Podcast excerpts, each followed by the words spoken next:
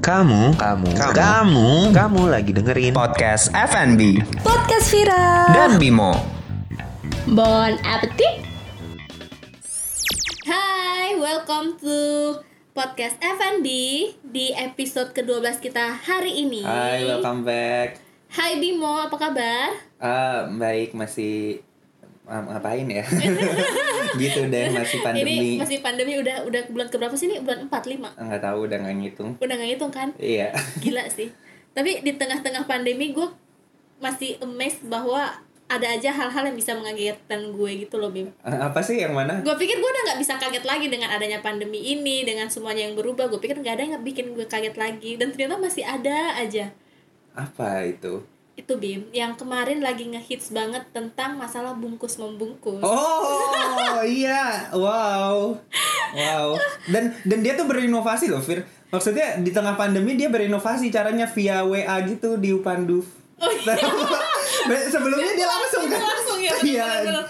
gue pikir kemarin bahas bungkus membungkus gue pikir oh mungkin lagi mau lebaran ini bungkus Ah. lontong kali atau apa gitu pas gue lihat "Hah, demi apa ini orang banget? Bungkus membungkus gue gue gue udah amazed sih kayak wow gue pikir udah nggak ada yang bisa bikin gue kaget beberapa bulan yang lalu kayaknya waktu masih normal gitu kan gue menganggap membungkus orang tuh kayak eh oke tuh bim. Bungkus bungkus gitu. Kayak Nah, iya, oh iya, itu kayak iya, maksudnya iya, kan? bener. iya maksudnya kayak nggak beneran dibungkus. Nggak. Maksudnya bungkusnya tuh kayak udah bawa pulang Iya, ya, kalau nggak eh, melakukan yang diinginkan. Iya. Betul.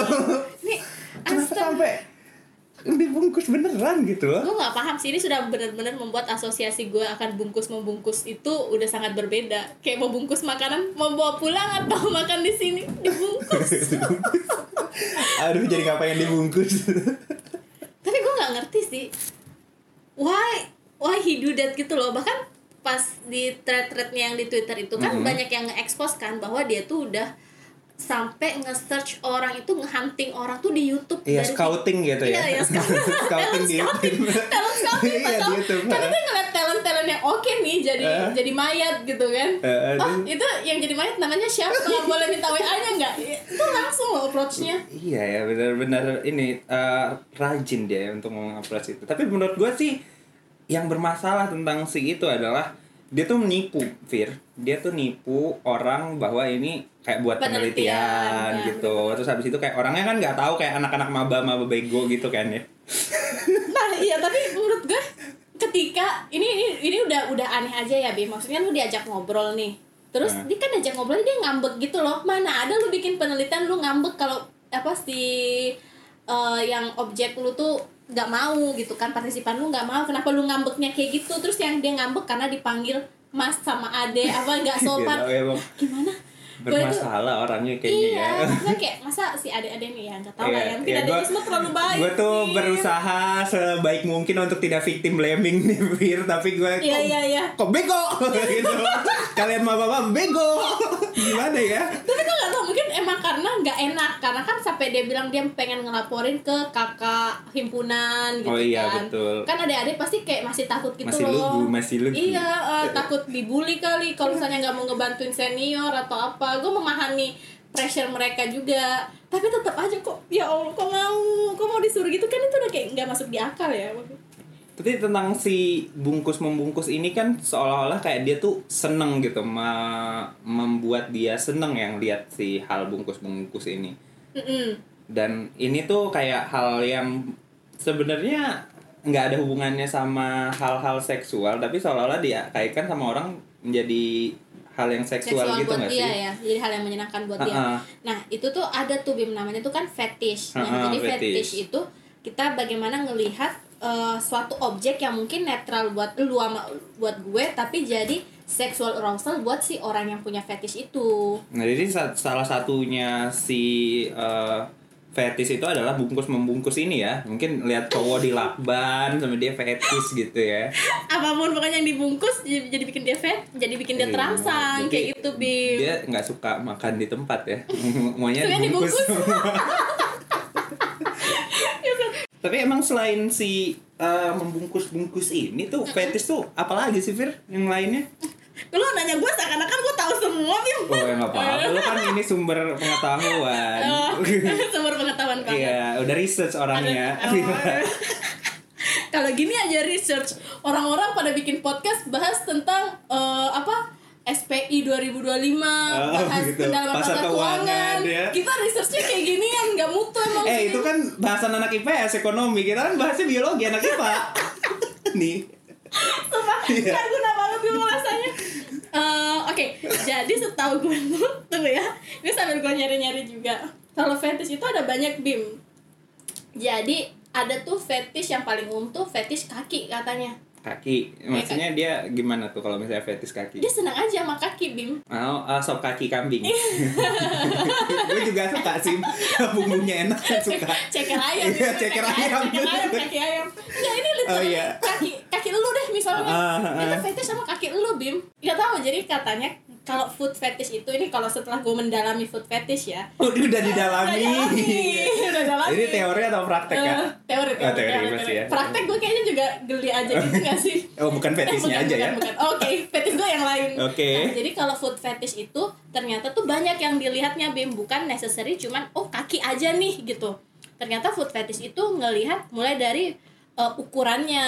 Jadi ukuran kaki lu, kaki lu berapa nih? 42, 40, Hmm, mungkin dia 38. ada yang suka yang kecil Oh, gitu, iya, gitu ya iya. preferensi. ada preferensi Ah. ukurannya kakinya kayak gitu ukuran jempolnya kayak gimana terus ada yang lihat dari bentuknya bentuk jempol lu kayak gimana bentuk kaki lu kayak gimana apakah dia rata apakah dia berlekuk-lekuk kayak Lembut gitu gitu ya. nah, lembut itu ke fiturnya bim apakah dia lembut Fitur. ada fitur lagi Oh, gitu. selembut sutra Eh. atau rajin perawatan atau kasar karena selalu main sabun gitu kan gue nggak tahu sih Eh, atau dia wangi apa enggak terus apakah ada aksesorisnya dia di apa dipakai Kutek kutek gitu atau ya, pakai eh. apa sih cincin kaki atau gelang kaki gue nggak ngerti kayak gitu-gitu Eh, sama apa sih namanya interaksi yang dilakukan sama kaki itu sendiri entah dicium entah dipeluk entah diisap gue nggak tahu ngapain dia dengan kaki yang Oke.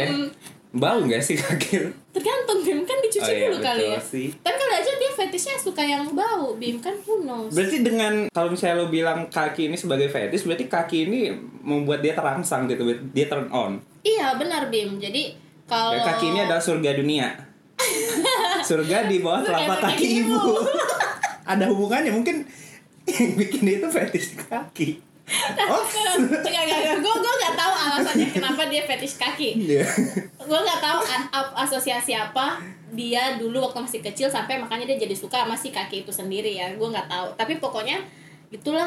Dan actually fetish kaki ini karena paling umum orang-orang terkenal tuh juga ada yang punya fetish kaki gitu loh Bim. Ya, mereka diwawancara gitu. Ih, gue gak tahu sih. fetish lo apa Iya, gitu? bisa bisa jadi gue Iya. tau tapi ternyata kayak Elvis Presley katanya punya fetish kaki. Hmm. Eh, Andy Warhol punya fetish kaki. Bahkan si siapa si Ted Bundy tuh juga fetish kaki gitu loh Bim. Gue nggak tahu sih apakah ini eh, fun fact apa enggak ya, tapi Fun. ini fun fact. Fun ya.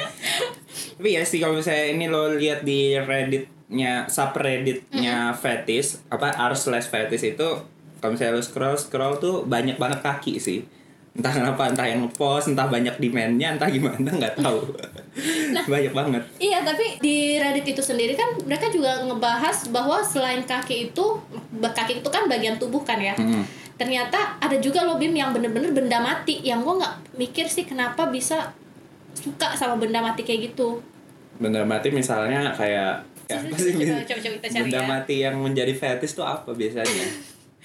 Kodok Bim, eh itu makhluk hidup. Itu makhluk hidup. Tapi ada ya ternyata fetish kak, eh fetish kodok bingung gak sih lo? Iya, jadi kayak kalau misalnya dia harus kayak gitu tuh harus ada kodok gitu. Enggak, Aduh, gue nggak naik enggak, nih, nggak ada kodoknya hari ini. gue ngebayangin dia lagi sama ceweknya terus di laptopnya screen savernya kodok Oh, gitu loh betul, kodok bisa juga. ya kan di TV-nya dipasang kodok-kodok gitu loh lagi Nat Geo Saya ganti. TV jangan Nat Geo nggak mau Nat Geo aja Oke. terus syaratnya harus Nat Geo bahkan gue nggak tahu sih ini kemarin gue nemu ada fetish terhadap cahaya matahari Nah, itu berarti dia nggak bisa nggak bisa cahaya lampu. Iya, nggak Malam-malam dia kayak, aduh nggak bisa Ah, nih, nggak bisa. harus di tengah lapangan Jendela harus dibuka lah minimal. Oke, nggak boleh. boleh pakai ini. jadi selalu pagi dan siang hari dong Bim Iya, makanya. dia berfotosintesis kali ya gue nggak ngerti kayak gitu bingung gak sih sama cahaya matahari pokoknya kalau fetish ini ya itulah kayak hal-hal yang mungkin kita biasa aja tapi buat mereka tuh seksual arousal gitu ada bedanya gitu loh Bim. Kan kemarin gue sekalian baca-baca apa Economic Times. Oh iya emang ekonomi kita kita udah, ber- udah berusaha padahal ya bahasa bahasnya udah ekonomi dan serius. Wah, itu dia. Gue udah berusaha nih. Economic Times di mana tuh? Eh, Economic Times tapi India gitu Oh, loh Bim. India, Times. Eh, nah iya. gue sebenarnya kayak oh gue pengen bikin podcast yang ala ala ekonomi nih Oh, bareng Bimo jadi nyari bahannya di Economic Times. Eh tetap aja bacanya di Cocktail Conversation King versus Fetish Iya memang ini ternyata bahasan orang ekonomi ternyata fetish ini. nggak itu ternyata ternyata Bim orang-orang ekonomi tetap juga butuh bahasan sehari-hari dan Iya, seringan betul. kita Nah itu yang kita provide di sini. alasan aja ini makin alasan aja Emang apa tuh jadinya bedanya king dan Eh, fetish? Iya, gue pikir selama ini fetish sama king itu sama, Bim. Ternyata pas gue baca king sama fetish itu beda. Kalau fetish itu kan tadi lebih kepada objek seksualnya kan. Hmm. Sedangkan kalau king itu adalah spice of sexual life kayak Bumbu. gitu. Bumbu. eh, Jadi kayak pengen Bon cabenya. Mm, bon cabenya. Misalnya gimana tuh? Misalnya gimana ya? Jadi misalnya, aduh gue agak-agak ragu sih untuk menjelaskannya. Eh gak apa-apa emang ini eksplisit nih yang episode oke. ini jadi kita bebas aja ya kak. Kalau king itu lebih ke role playing nih katanya role playing. Mm-mm. Terus sadomasosis. Kayak BDSM gitu ya, Bim. Iya itu king ya berarti ya. Jadi kayak misalnya nonton ini gak sih Bim Fif- Fifty Shades of Grey. Heeh. Nah itu actually lebih ke king kan. Kinky Heeh, stuff ya. Kinky stuff. Jadi gimana dia uh, meningkatkan seksualnya sama si Anastasia-nya itu kan dia ngapa-ngapain lah gitu kan. Mm, pakai, oh, itu. cambuk gitu, dicambuk, bulu-bulu. heeh, ditarik-tarik rambutnya Iya. gitu kan. hmm. Eh, nah kayak gitu sedangkan kalau fetish itu yang tadi yang objek-objek yang normal buat kita tapi jadi seksual buat si orang-orang yang punya fetish ini Kalau misalnya kayak lilin apa lelehan lilin gitu itu juga king gitu gak sih? king sih maksudnya Ya kan kayak heeh. biar biar lebih spicy aja Iya. gitu kayak biar ada ada ada hangat-hangatnya gitu. Ada yang beda Atau ada yang ah, tahu nggak sih lo ada yang kayak kalau lagi gitu terus eh, naruh es krim Itu, sambil- itu Fifty Shades banget lu nonton Iya, Fifty Shades yang ketiga uh, gak sih? Itu pakai es krim Oh, si Anastasia sama si Grey-nya. Gue nonton sama Fifty Shades actually. iya, jadi dia pakai si es krim itu kalau Ah. si Fifty Shades kayak gitu. Eh, Kalau lo pakainya apa? gue pakai hayalan aja lah. Jangan anaknya masih teori Oh, belum sampai praktek enggak. gimana dong ya? Nggak apa-apa, belum mau di share ya, Oh. apa-apa. Anjir. eh yang denger ini banget. Iya. Kalau dia gue dulu aja langsung jatuh cuy. Nah, tapi kalau misalnya ya, setahu gue nih, si fetish ini sendiri tuh eh bisa bilang beberapa orang itu punya fetish yang menurut gue itu masih di ambang normal, ngerti nggak? Hmm. Misalnya kalau yang eh, Kaki itu normal kaki. karena paling banyak mungkin normal ya dan Iya. tidak mengganggu pokoknya Iya. eh, batasnya itu sampai tidak mengganggu kehidupan sosial dia maupun orang lain itu sih kalau gue cut offnya Mm-mm. karena kalau dia udah masuk parafilik kalau misalnya bahasnya itu parafilia ya eh, atau yang udah nggak normal itu kalau dia udah misalnya sam- mm, udah mengganggu kehidupan dia dan kehidupan orang lain kayak gitu. Gue ingat sih simptom-simptomnya fetish itu pokoknya kalau dia udah enam bulan suka sama si objek seksual desire itu. Mm-mm. Terus kalau misalnya dia udah itu tadi mengganggu ke apa kehidupan di sosial dia, kehidupan se- keseharian dia, dan yang terakhir itu kalau misalnya bedanya tuh ya itu objek normal aja, bukan objek seksual, tapi mereka merasakan sexual desire terhadap objek-objek itu. Tapi menurut lo kan lo bilang kalau misalnya tidak mengganggu orang lain tuh nggak masalah ya maksudnya fetishnya itu. Berarti kalau misalnya kasusnya si bungkus membungkus nih, Mm-mm. maksudnya dia melakukan itu tanpa adanya penipuan, nggak nipuin maba, terus dia misalnya sama pacarnya lah, terserah mau cowok mau cewek dan konsensual, itu nggak masalah dong harusnya. Sebenarnya sih nggak masalah, bi maksudnya ya uh, vlogs it, meet each other gitu loh, ngerti nggak? Iya, ya sama-sama saling memuaskan satu sama lain, mungkin nggak ada salahnya. Cuman kan salahnya di sini adalah karena ketika orang itu tidak suka, tapi lu paksain dan lu bohongin demi kepuasan lu kan itu kayak mirip pemerkosaan sendiri ya. Iya betul. Iya jadi jadi ini ya kalau misalnya orang fetis itu bukan yang salah, tapi orang memaksakan fetisnya ke orang lain dengan cara yang tidak baik itu yang salah. Iya benar. Dan kalau misalnya mostly kayak itu yang kayak gue baca di Quora kemarin, eh tadi sih eh, misalnya dia fetishnya terhadap pakaian dalam nih Mm-mm. dia tuh fetish terhadap pakaian dalam tapi buat kesenangan dia doang jadi dia mengumpulin pakaian dalam or pakaian dalam gitu loh bim dan dia gunakan sendiri tapi actually kan nggak mengganggu buat orang lain Iya betul. Tapi Nggak nyuri pakaian dalam Iya orang dia juga. Nggak beli Tapi sendiri. itu akan menjadi gangguan ketika dia udah obsesi terhadap si pakaian dalamnya itu. Misalnya dia harus pakai itu ke mana-mana atau koleksinya udah banyak banget. Kayak sebenarnya gue bingung sih cut off-nya di mana. Tapi kayaknya gue harus belajar lebih banyak nih. Harus kayak gitu. dipraktekin sih. Nggak, nggak, nggak, nggak, nggak, nggak, nggak, nggak. Nggak harus dipraktekin. Eh. Tapi ini kayak cuman cukup tahu aja. Iya. Tiap dia ngelihat orang terus jadi pengen langsung ngecaplok kayak gitu kan itu udah mengganggu ya. Atau sampai dia stres sendiri itu actually udah gangguan buat hidup dia. Nah, berarti harus kalau misalnya udah kayak gitu tuh harus ke psikolog berarti ya. Mm psikolog kayak gitu. Ya sih. Maksudnya ini gue sambil makan.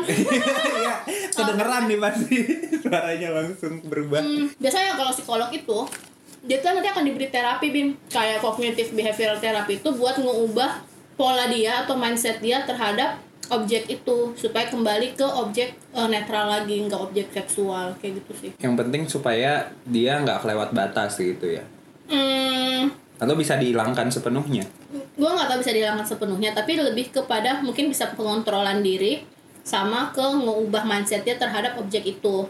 Karena kalau setahu gue si fetish ini kan terbentuk karena asosiasi kita terhadap benda itu sebagai hal yang menyenangkan satu. Dan itu terbentuk dari kecil. Sama fetish itu bisa terjadi karena kita tuh takut merasa tertolak oleh benda hidup gitu loh Bim dia nggak mau mencurahkan keinginan dia terhadap Oh. orang lain takut tertolak makanya dialihkan ke benda mati yang otomatis nggak akan mungkin menolak mereka Gue nggak pede aja gitu orangnya ya. Mm-mm-mm. dan itu tuh mostly kalau fetish itu terbentuknya dari udah umur 4 tahun gitu loh Hah?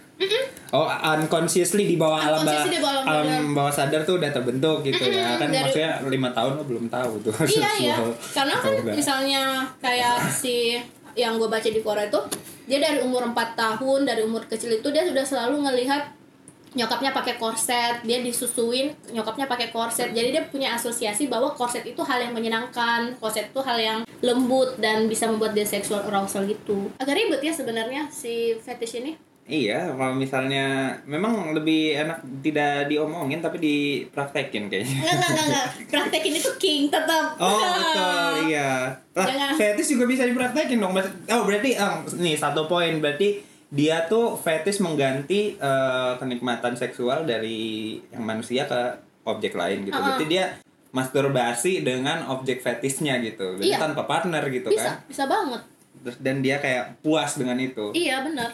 Jadi dia sambil ngeliat dia nggak usah ngebuka Pornhub deh, dia ngebuka Nat Geo tetap ngeliat kodok aja udah jadi. Kodok ya. Ngeliat kodok aja udah jadi. ke sana. Balik lagi ke sana. Wah gila sih. Kayak kamu buka Pornhub enggak? Bukannya apa kodok? Ya Oh, kayaknya Nat Geo.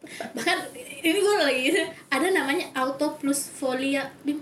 Apaan tuh auto flash so amat? fetis terhadap diri sendiri ketika mengenakan kostum kartun hewan raksasa. Kok spesifik banget sih tuh? tapi ya actually fetish itu lebih banyak yang kita nggak tahu bim. Katanya itu ada 5000 fetish gitu loh dari hasil penelitian. Dia kayak ngumpulin dari apa grup-grup fokus grup fokus grup discussion tentang fetish tuh ada Fetish group discussion, oh ya fetish ya, FGD bukan fokus jadi tuh bisa ada 5000 fetish gitu loh bim. Dan Ah. emang spesifik spesifik banget fetishnya. Tapi ada yang besarannya lah. Ada ada besarannya. Jadi kalau besarannya itu kayak tadi itu bo- body bagian tubuh eh, objek benda sama kepada behavior.